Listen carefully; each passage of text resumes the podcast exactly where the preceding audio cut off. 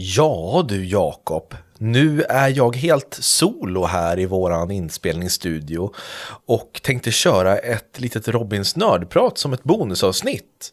Så jag tycker vi alla sätter oss ner, tar någonting gott att dricka och äta och så kör jag min topp 10 GameCube-spellista. Varmt välkomna ska ni vara. Nu kör vi ingen.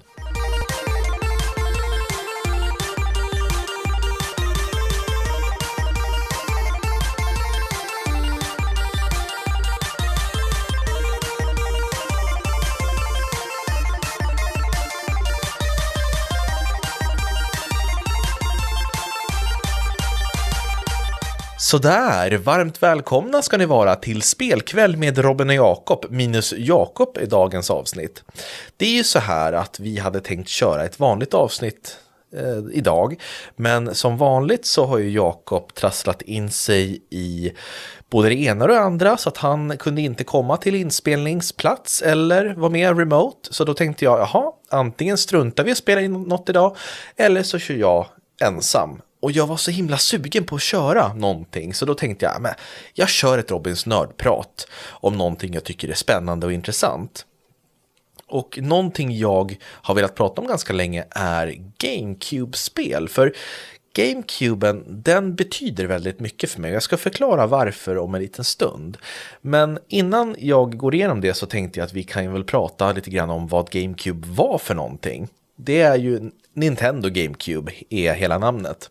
Och det är uppföljaren till Nintendo 64 och föregångaren till Nintendo Wii. Så den kom mitt emellan de två konsolerna.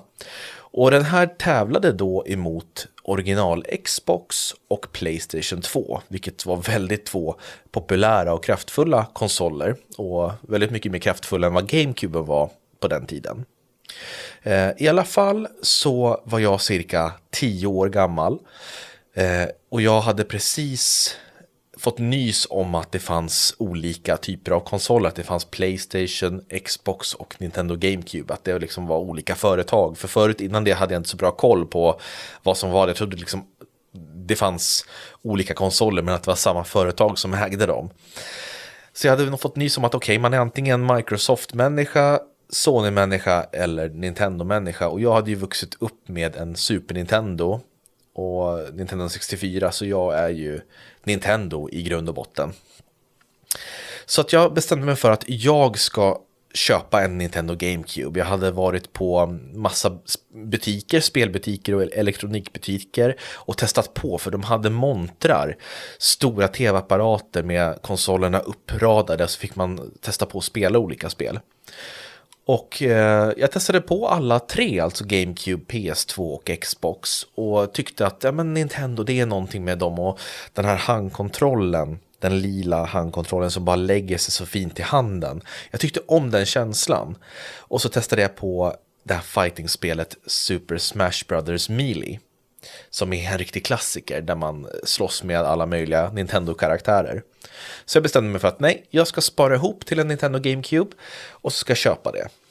Problemet var att en Nintendo GameCube kostade cirka 2200 kronor vid det här eh, läget. Och jag hade ju inte mycket pengar, jag fick ju veckopeng som var typ 20 spänn eller 50 kronor. Men jag gav mig tusan för att jag ska göra allt jag kan för att få tag på en GameCube. Så jag började samla tomburkar och jag pantade och det var inte mycket, det var ju någon en krona här och fem krona där och någon extra slant här av mormor och morfar eller av farmor eller vad det nu var så la jag det i en sparbössa. Det som är lite kul var att jag hade inte ens en sparbössa och jag orkade inte köpa en. Jag, jag ville ju spara alla mina pengar till att köpa ett GameCube.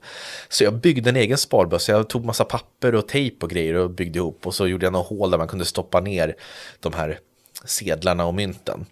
Men min mamma och pappa sa det att men vi åker och köper en riktig sparbössa till dig. Så då köpte jag en sparbössa med ett sånt här kodlås på och så skrev jag Nintendo GameCube sparbössa på den. Så jag gick väl och sparade i något år, eh, ett, ett och ett halvt år och önskade mig bara pengar när jag fyllde år och så vidare. Och till slut så hade jag väl 1500 kronor eller något sånt, så det var ju ganska nära. Eh, och så.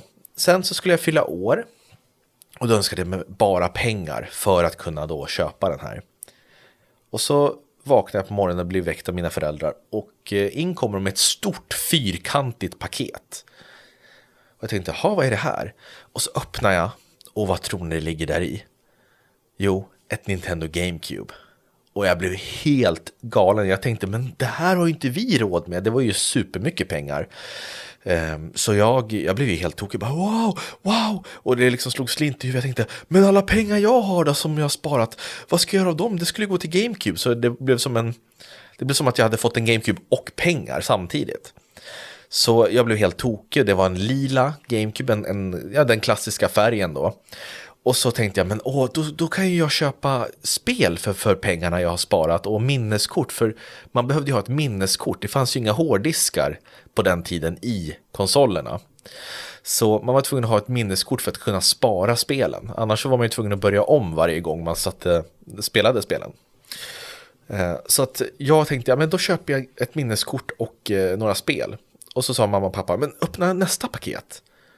Jaha, fanns det mer? Och så öppnade jag och där låg det ett, ett spel till GameCube. Eh, det var eh, Star Wars Rogue Squadron 2, Rogue Leader.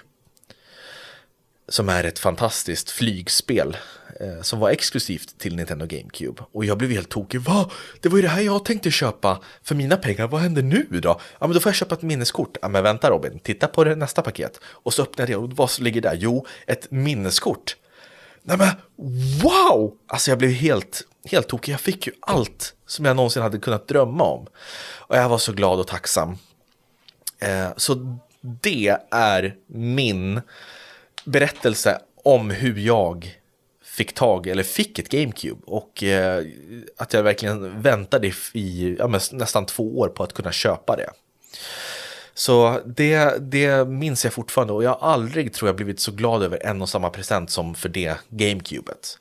Så min mamma hon brukar alltid referera till det. Men vad tycker du om den här presenten du fick i år? Var det bättre än GameCube? Nej, det var det inte.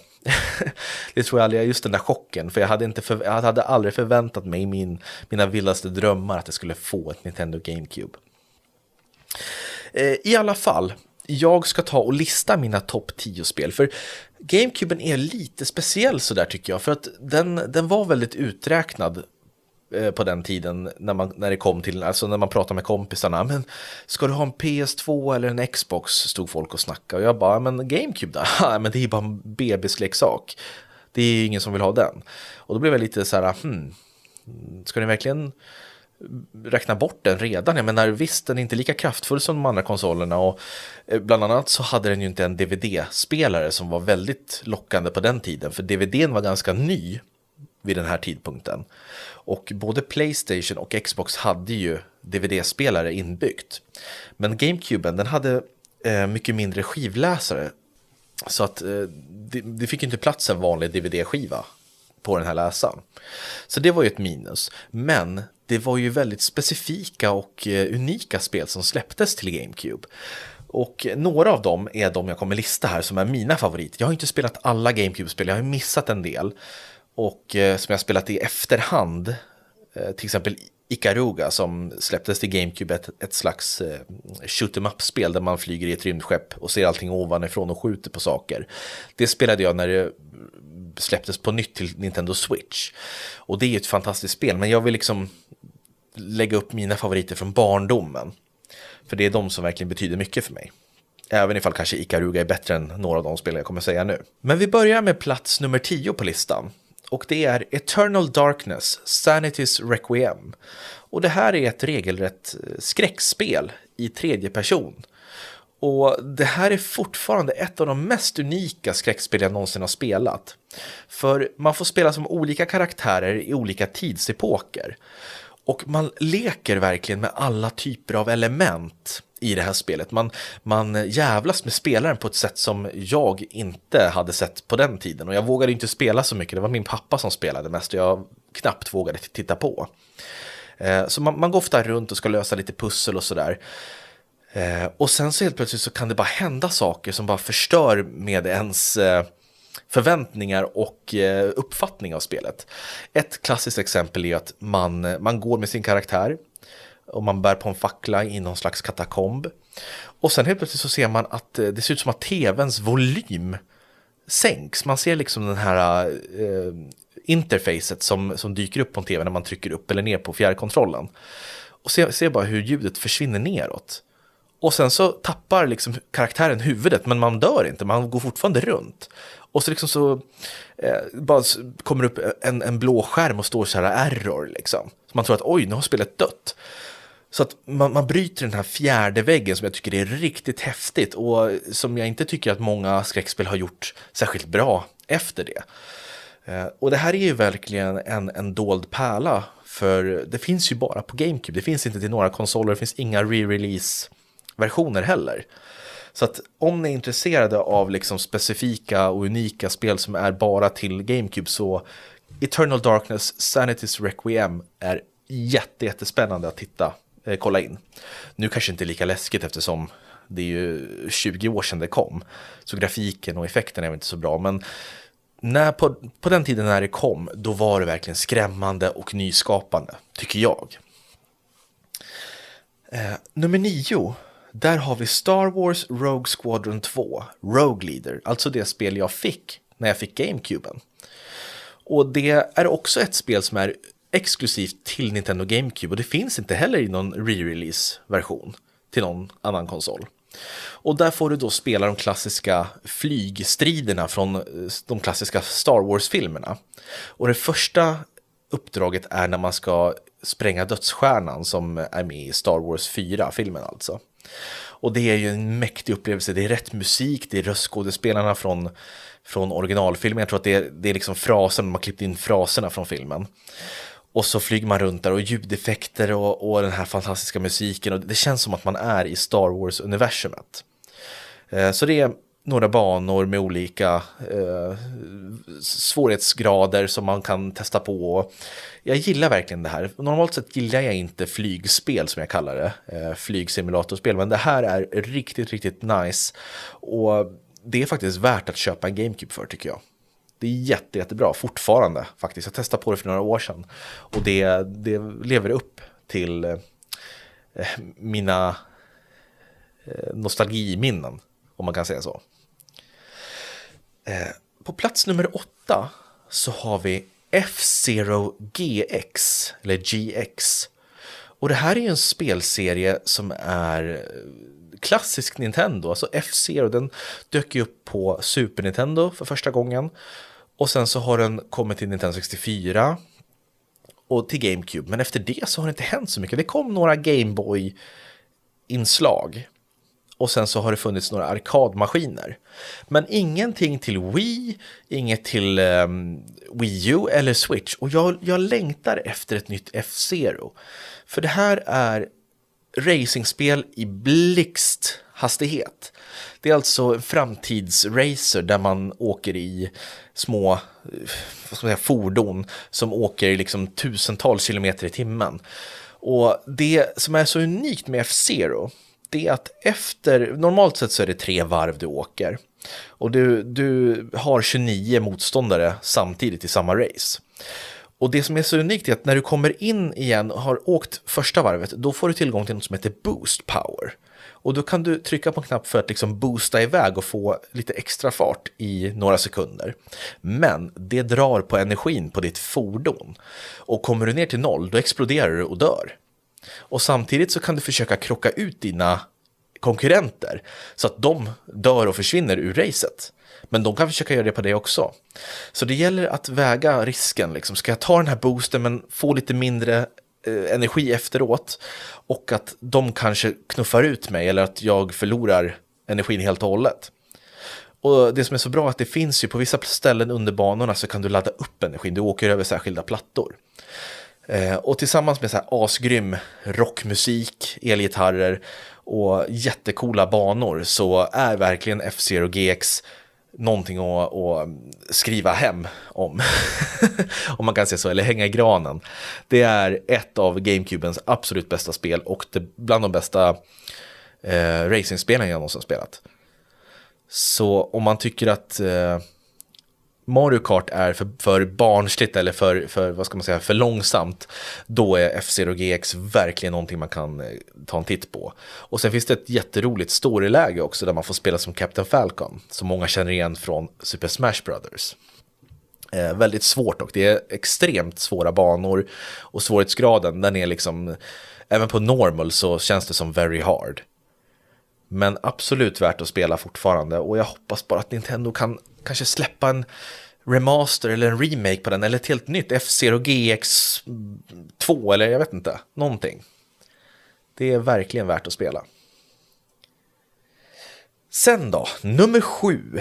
Super Smash Brothers Melee. Det är ju inte en eh, så stor eh, skräll egentligen att, att ta med den på en lista över bästa GameCube-spelen. För det är ju ett av de bästa fighting-spelen jag någonsin spelat. Och det var ju här som man satte tonen för alla kommande spel. Och eh, även ifall jag tycker att Super Smash Brothers Ultimate till Switch är det ultimata spelet, eh, bokstavligt talat, så tycker jag att Mili gör mycket, mycket rätt här och är bättre på vissa sätt än, än, Ultimate. För i Ultimate nu så har man ju vetat om det mesta. Att eh, det, det har inte varit någon större chock när nya karaktärer har dykt upp eller man låst upp någon ny karaktär. Men i Melee, där var det verkligen spännande. Man testade sig fram och eh, det fanns olika spelläger, det fanns ett, ett äventyrsläge där man sprang igenom olika banor och, och sen helt plötsligt när man klarade av en bana så oj, nu, nu dök en, en karaktär upp som, som jag kan låsa upp. Det var väldigt mystiskt på ett, på ett sätt som inte riktigt finns längre i och med internet och YouTube och allt där. Allting kommer ut så fort och man blir spoilad om allt som händer. Men då var det verkligen, oj, vad är det här för karaktär, vad spännande, man känner inte till alla riktigt. Och så kunde man ju låsa upp troféer i spelen där det stod information om karaktärerna. Så då kunde man lära sig om spelserien de kom ifrån och sen börja spela de spelen. Och det största som hänt mig eh, via Super Smash Brothers Melee, det är att jag upptäckte Fire Emblem. För där dök ju Roy och Marth upp som kommer från Fire Emblem-serien. Och jag visste ingenting om den serien innan jag spelade Super Smash Brothers, men blev jätteintresserad när jag såg dem och kollade upp vad det var. Och sen dess är Fire Emblem en av mina favoritspelserier. Så att det är ett grymt spel, fortfarande jättekul att spela multiplayer eh, tillsammans med tre kompisar i soffan. Jätte, jättebra. Och det, jag tror att de flesta har spelat det, men har man inte det tycker jag att man ska göra det, absolut. Eh, sen har vi en riktig klassiker, ett spel som jag tycker är topp 10 eller topp 15 spel genom alla tider, alla kategorier. Och det är Metroid Prime. Den första 3D-tolkningen av Metroid-upplägget. För Metroid började ju som en 2D-spelserie, att man springer från vänster till höger, hoppar upp och ner. Eh, men Metroid Prime, där är allt i 3D, det ser ut som en, tre, alltså en första personsskjutare. Fast med Metroid-elementen. Och många trodde ju på förhand att det här skulle floppa rejält. Men efter att ha spelat det här så blev jag som frälst. Och det är väldigt unikt i sin genre. Det är inte ett renodlat first person shooter. Du går inte och manglar ner fiender och sådär. Utan det är mer utforskande och hela världen är en enda stor bana som du tar igenom. Och så går du fram och tillbaka, hittar uppgraderingar. Eh, och så har du en skanner där du kan skanna saker för att låsa upp dörrar eller aktivera konsoler eller eh, få information om varelser och objekt. Och jag tycker att det här funkade så otroligt bra. Och även till idag så är det få FPS som har överraskat mig så mycket som Metroid Prime. Och även ifall tvåan är också riktigt bra och sen trean som kom till Wii så är originalet det som fortfarande ger mig rysningar när jag, när jag hoppar in i och bara oj, det här är verkligen ett unikt spel som inte på något sätt eh, har åldrats dåligt tycker jag. Möjligtvis kanske kontrollen lite grann. Men eh, om Nintendo bara tar och släpper det här i en remaster till Switch eh, med lite upp uppdaterad kontrollschema, då kommer det vara en 10 av 10. Så är det bara. Så vi hoppas på att det kommer någon slags collection till Switch och sen också att fyran kommer snart, Metroid Prime 4, för det har vi väntat på länge. Då så, då har vi gått igenom fem spel och vi har fem spel kvar. Um, nu ser jag här när, när jag tittar på min lista att eh, vissa av spelen som kommer upp här kanske inte är bättre än Metroid Prime, men ja, ni får ta det lite eh, för vad det är. Eh, det varierar alltid när jag ska prata om mina topp top 10 spel på olika konsoler och sådär. Att en dag så kan ett spel ligga lite högre och ett spel kan ligga lite, lägre, och så nästa dag är det tvärtom. Men på femte plats har vi Pikmin, original Pikmin. Det är alltså ett realtidsstrategispel kan man väl säga, slash äventyr, där man spelar som en liten figur som heter Olimar, som råkar kraschlanda på en planet där han hittar morotsliknande varelser som han döper till Pikmin. Och de här Pikminen de har olika förmågor, det finns olika färger på de här. Och de röda till exempel, de klarar av att gå i eld. De gula, de klarar av att gå i elektricitet och kan bära bomber. Och de blå, de kan gå i vatten utan att drunkna. Och tillsammans med de här Pikminen så försöker Olimar hitta alla skeppsdelar till sitt trasiga skepp och fly från planeten. Eh, och man har en tidsbegränsning på 30 dagar inuti spelet. Och varje dag, jag kommer inte ihåg hur lång en dag är, men om de är 5 eller 10 minuter långa. Eh, så då gäller det att utforska planetens olika platser och så kan man då samla på sig mer Pikmin genom att hämta poletter som växer på blommor och sånt där som gör att nya Pikmin växer upp och så kan man bygga upp en armé och eh, slåss mot fiender genom att kasta Pikminen på dem. Eh, jag har ju recenserat Pikmin 3 som jag tycker är det bästa spelet i serien, men Pikmin 1, det var verkligen ett, en ny typ av upplevelse för mig, likt Metroid Prime, att det var, det var en väldigt unik och GameCube-specifik upplevelse. Så ni som inte har spelat Pikmin 1, försök att göra det, för det finns faktiskt till eh, Wii, om ni äger en sån. Det finns en vet du, upphottad version med lite bättre kontroller anpassade för Wiens handkontroll. Men som sagt, jag hoppas på Pikmin 1 och 2 Remaster till Switch också, för de är riktigt bra de spelen. Eh, nu börjar vi komma in på de tunga titlarna. Och för mig så är de här, alla de här fyra skulle kunna vara nummer ett. Så bra är de tycker jag. Men på fjärde plats har vi Zelda Wind Waker. Och det här är ju ett eh, strålande spel, alltså det här är ett av de bästa Zelda-spelen i serien tycker jag. Det handlar alltså om Link som bor på en ö och hans syster blir bortförd av en mystisk fågel. Och då måste han ge sig ut på de stora haven, för Wind Waker handlar om att man åker i en liten båt mellan små öar. Det är liksom hela världen är, är en enda stor ocean kan man väl säga. Och där i finns det massa små öar. Och visst, det kan vara lite jobbigt att ta sig mellan de här öarna för att det tar en, det tar en stund att segla med den här båten.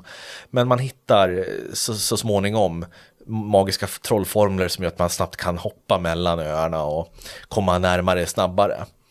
Och eh, likt alla andra Zelda-spel så är det så smarta pussel, roliga karaktärer, jättemysig musik. Alltså musiken är helt fantastisk, särskilt titeltemat. Alltså gå in och sök Wind Waker title theme, alltså det är så fruktansvärt bra.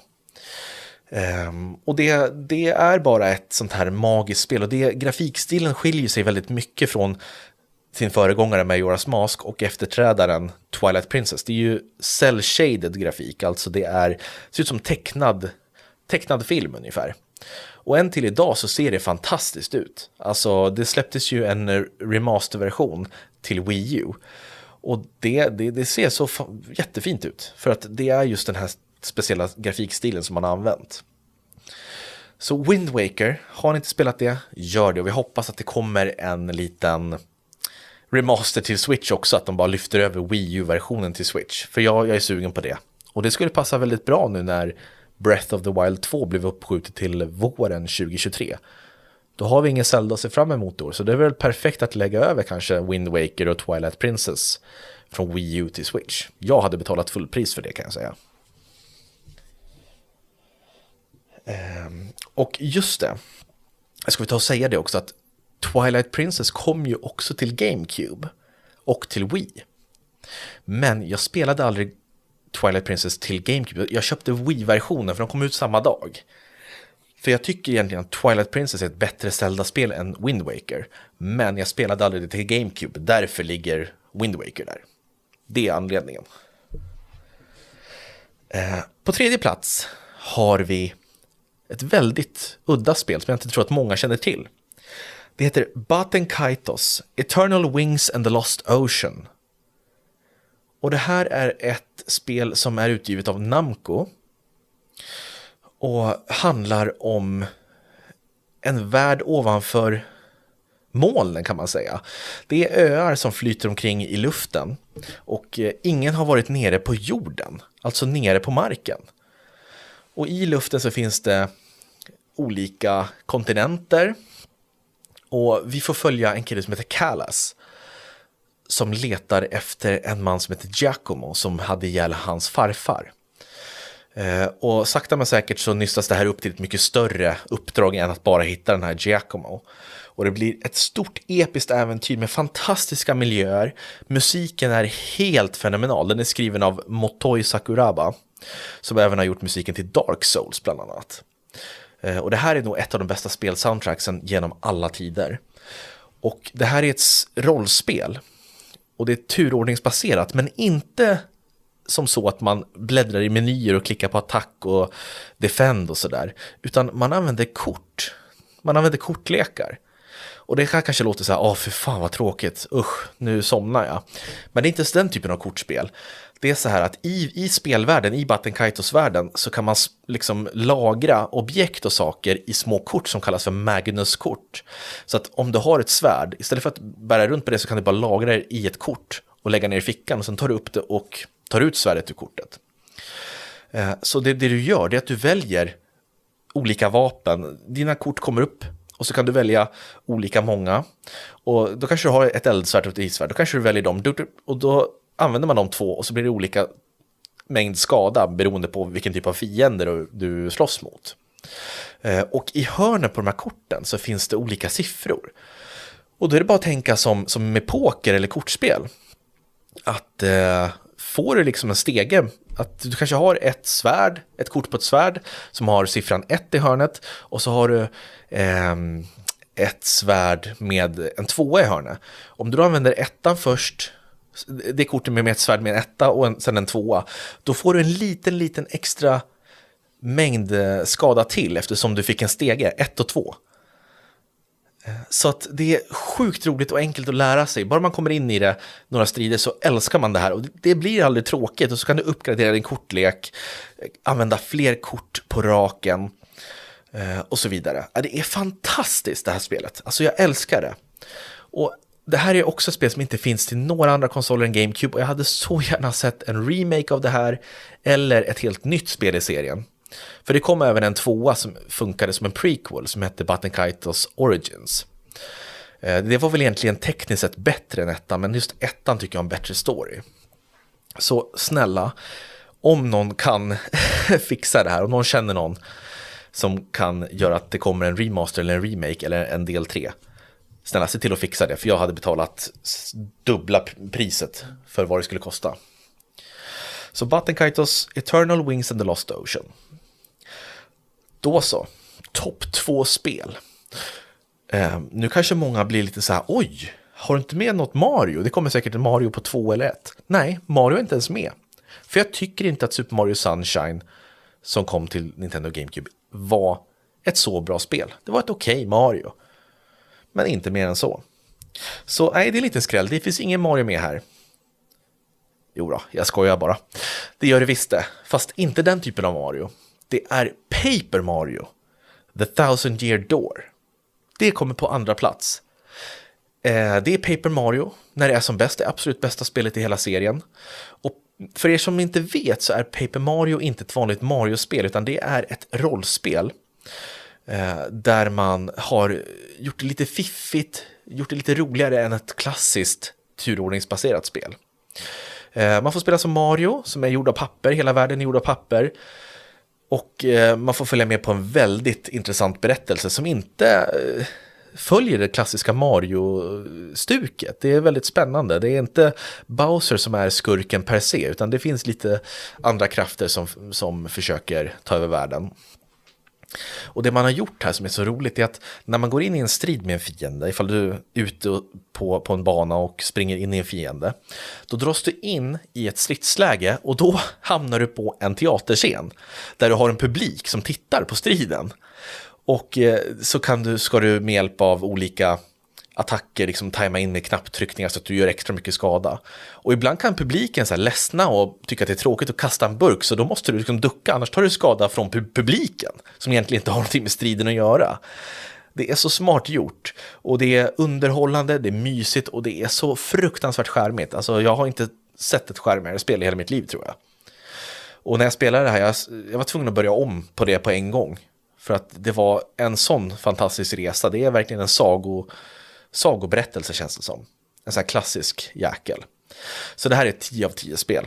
Underbart. Och jag vill ju att man går tillbaka till det här stuket. För nu har Paper Mario-serien, det har verkligen gått åt fel håll. Man har tagit bort rollspelselementen och gjort någon form av äventyr som inte riktigt funkar tycker jag. Det ska vara det här rollspel, att man, man får ex, XP, alltså erfarenhetspoäng och går upp i level. Det tycker jag i alla fall. Då så. Plats nummer ett är lite spännande för att det skulle från början vara helt exklusivt i GameCube men nu finns det typ till alla plattformar, även nuvarande generationens plattformar. Och det här är nämligen Resident Evil 4 som jag håller som topp 5 spel genom alla tider. Och eh, man får tänka så här också att många spel som kommit efter Resident Evil 4 kanske är bättre rent tekniskt när det kommer i just den genren, tredjepersonsskjutare. Men när det här kom var det så jäkla nyskapande. Det var kameran över axeln, man sprang runt, man samlade ammunition, det var mäktiga bossstrider, det var roliga spelmoment.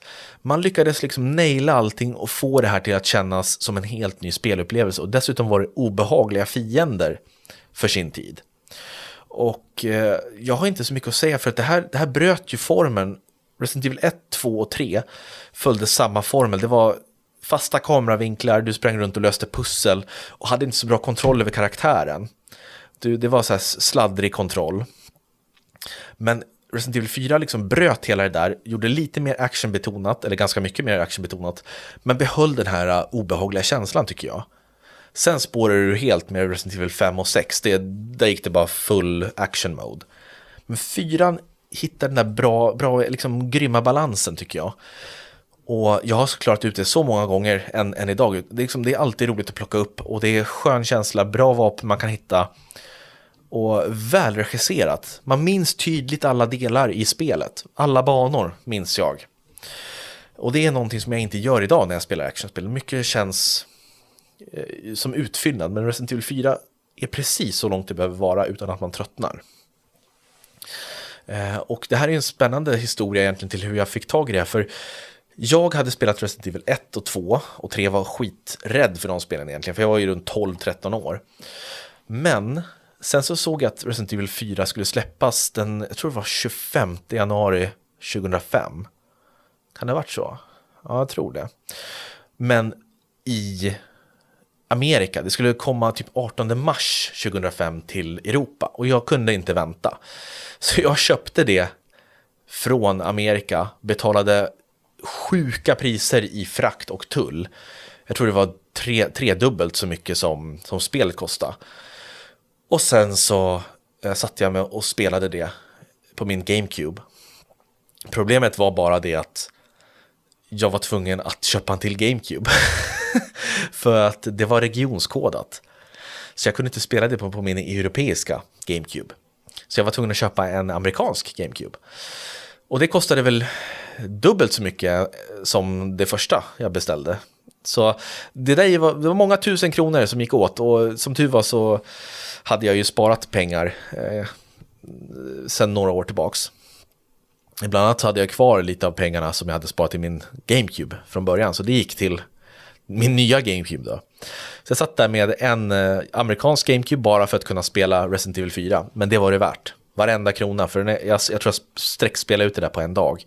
Och det var, det var en av de bästa spelupplevelserna jag någonsin har haft. Eh, så det var lite kort mina topp 10 GameCube-spel genom alla tider. Och när jag sitter och pratar om det här nu så känner jag bara att ja, GameCuben var speciell. Och jag tycker att spelen till den är egentligen bättre än vad som kom till Wii, när man räknar på det. Och jag, jag gillar GameCuben mer, mer än Wii och mer än Nintendo 64. För om jag ska vara ärlig så gillar inte jag 64 så himla mycket. Jag har svårt för de här tidiga 3D-spelen. Jag tycker att de håller inte riktigt än. De har åldrats ganska dåligt med tanke på att det var första steget in i 3D. Och GameCube tycker jag liksom gjorde det riktigt bra. Sen gjorde Wii sin grej fast den fokuserar mer på funktionerna runt omkring. Eh, det var mycket mer att man skulle stå och vifta med, med händerna och sådär. Men GameCube verkligen fokuserade på spel, spelen och spelmekaniken väldigt mycket. Eh, sen tycker jag ju dock att 64 har ju det bästa spelet genom alla tider, Ocarina of Time. Och Super Mario 64 och några till. Men overall tycker jag att GameCuben är Nintendo, en av Nintendos bästa konsoler. Som tyvärr inte sålde så bra. Men har en otroligt fin plats och varm plats i mitt hjärta. Men det var det, så att säga. Och eh, jag hoppas att ni tyckte om det. Vad tycker ni Eh, att GameCube hade för Eh, för roll i allt det här? Var det en bra konsol för Nintendo? Var den dålig? Hade den några bra spel, dåliga? Vilka var era favoriter? Det är jättekul att höra vad ni har att säga. Och ni får jättegärna följa oss på Instagram. Eh, vi finns på Facebook och sen finns vi på YouTube där vi inte är så superaktiva. Och Jakob, han sa att han skulle styra både det ena och det andra för några veckor sedan eh, angående men, videor på YouTube och, och avsnitt, eh, podcastavsnitt och sånt. Men ja, ni vet ju hur det blir. Han bullshittar höger och vänster och glömmer bort vad han ljuger om. Så jag ber om ursäkt för det, men jag ska försöka se till så att vi får ut en podd i månaden utöver mina nördprat. Men jag kan inte lova något, för ni vet hur det är att ha eh, någonting med Jakob. Man får vara glad att han ens dyker upp ibland. Men så är det med det. Tusen tack för att ni har lyssnat och eh, vi hörs snart igen. Ha det fint. Hej! Nu ska jag mejla Jakob och skriva riktigt fula saker till honom.